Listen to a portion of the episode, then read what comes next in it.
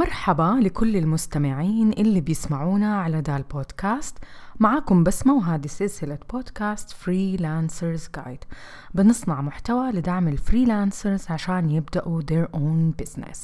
موضوعنا اليوم حنتكلم عن ثلاث خطوات أساسية لبناء علامتك التجارية. خلوكم معنا.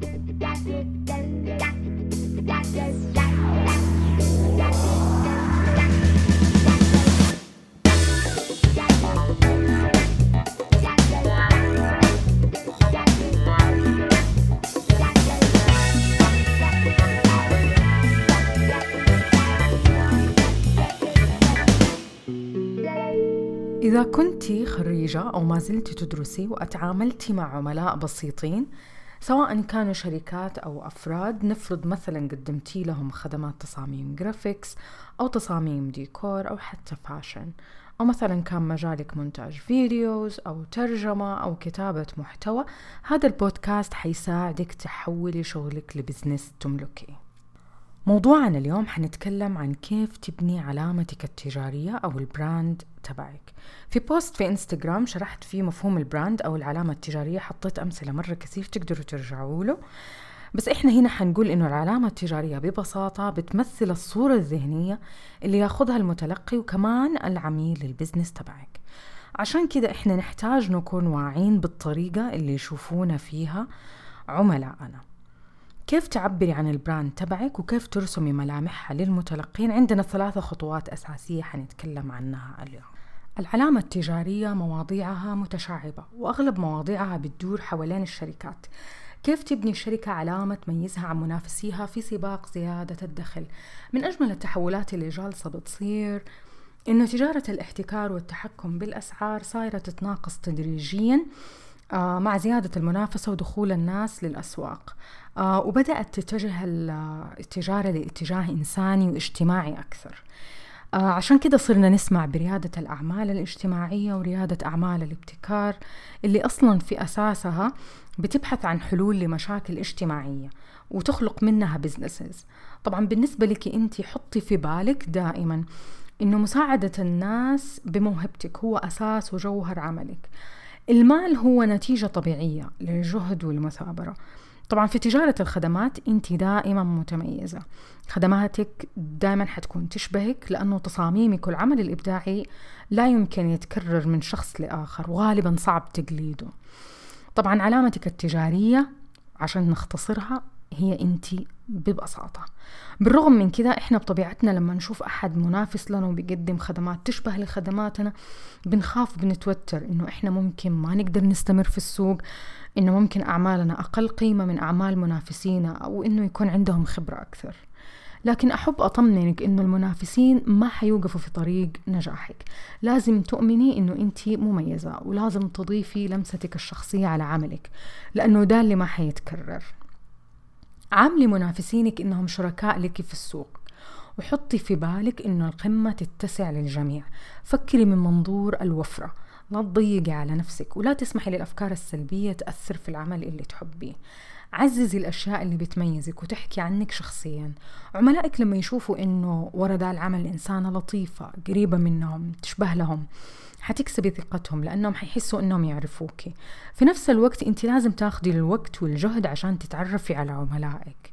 لازم تعرفيهم كويس وتتعرفي على طرق تتنبئي بتصرفاتهم احتياجاتهم. في كل وقت من أوقات السنة في الصيف في الخريف في الشتاء في الربيع. طبعا لأنه المواسم بتختلف وكمان لأنها بتتكرر سنويا. شاركي عملائك القيم حقتك. لو كانت مثلا واحدة من القيم حقتك احترام الوقت وانت دائما ملتزمة به شاركيهم دي القيمة. أحكي لهم كيف اكتسبتيها وليش هي مهمة عندك. شاركيهم مثلا الألوان أو الكلمات أو الأشكال أو الفاكهة أو حتى الحيوان الأليف اللي بيلهمك. وليش؟ يعني ليش بيلهمك؟ لا تبخلي على عملائك بالمعلومات لما يسألوك هذه واحدة من أكثر الأخطاء الشائعة. فاكرين كيف كنا ننبسط لما نروح لمحل الأقمشة ونسأله عن قماش يقول لنا والله مو عندي بس يمكن تلاقيه في دكان فلان اللي جنبنا. الشعور الإيجابي اللي بيجينا من ناحية البائع اللي ساعدنا نلاقي القطعة اللي نحتاجها. يعني كان بإمكانه يقول ما أعرف بس هو اختار إنه هو يساعدنا ويساعد المحل اللي بينافسه. ده منظور ومبدأ الوفرة اللي إحنا بنتكلم عنه. مساعدة منافسيني حتخلي منافسيني يساعدوني. وبدل ما تكون في بيننا حزيات وأشياء سلبية تتحول لعلاقة إيجابية ويتحول عندنا مجتمع متميز يعني بتميز أفراده اللي بيملكوا شخصيات فريدة. أول خطوة عشان ترسمي ملامح البراند آه، أو العلامة التجارية حقتك أكتشفي إيش الأشياء اللي موجودة فيكي وتميزك شخصيا عن غيرك. تجنبي إنه تبتكري أشياء ما هي موجودة فيكي. حتصعبي على نفسك الاستمرار وكمان حتفقدي أهم حاجتين في البراند اللي هي الأصالة والاتساق. خلي قيمك اللي أساسا أنت شخصيا تحبيها وتمشي عليها تقود قراراتك وتعاملك مع عملائك. وده الشيء ما يجي في يوم ولا في يومين لأنه بناء علامتك التجارية حياخد منك وقت. وطبعا ما يمنع أحيانا أنه تكوني مرنة وكمان مبدعة في التعبير عن قيمك.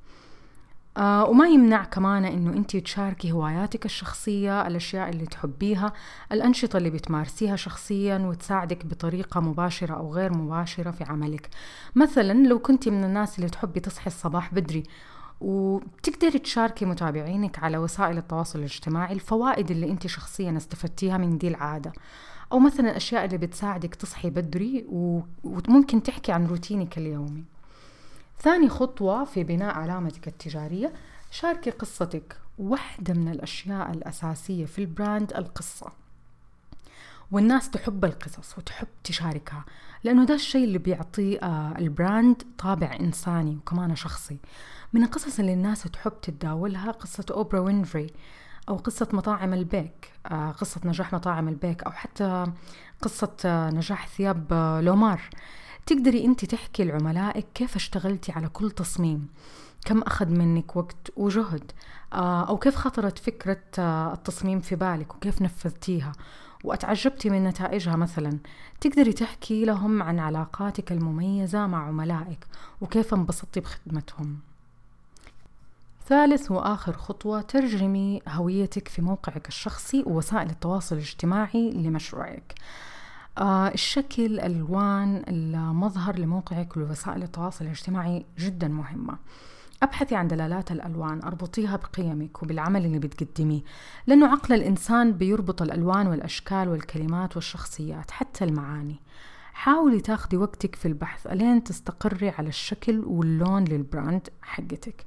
دايما ناخذ جولي شيك مثال للألوان لأنه اختيار اللون الأحمر دائما بنربطه في أذهاننا بالتخفيضات بالأسعار المنافسة.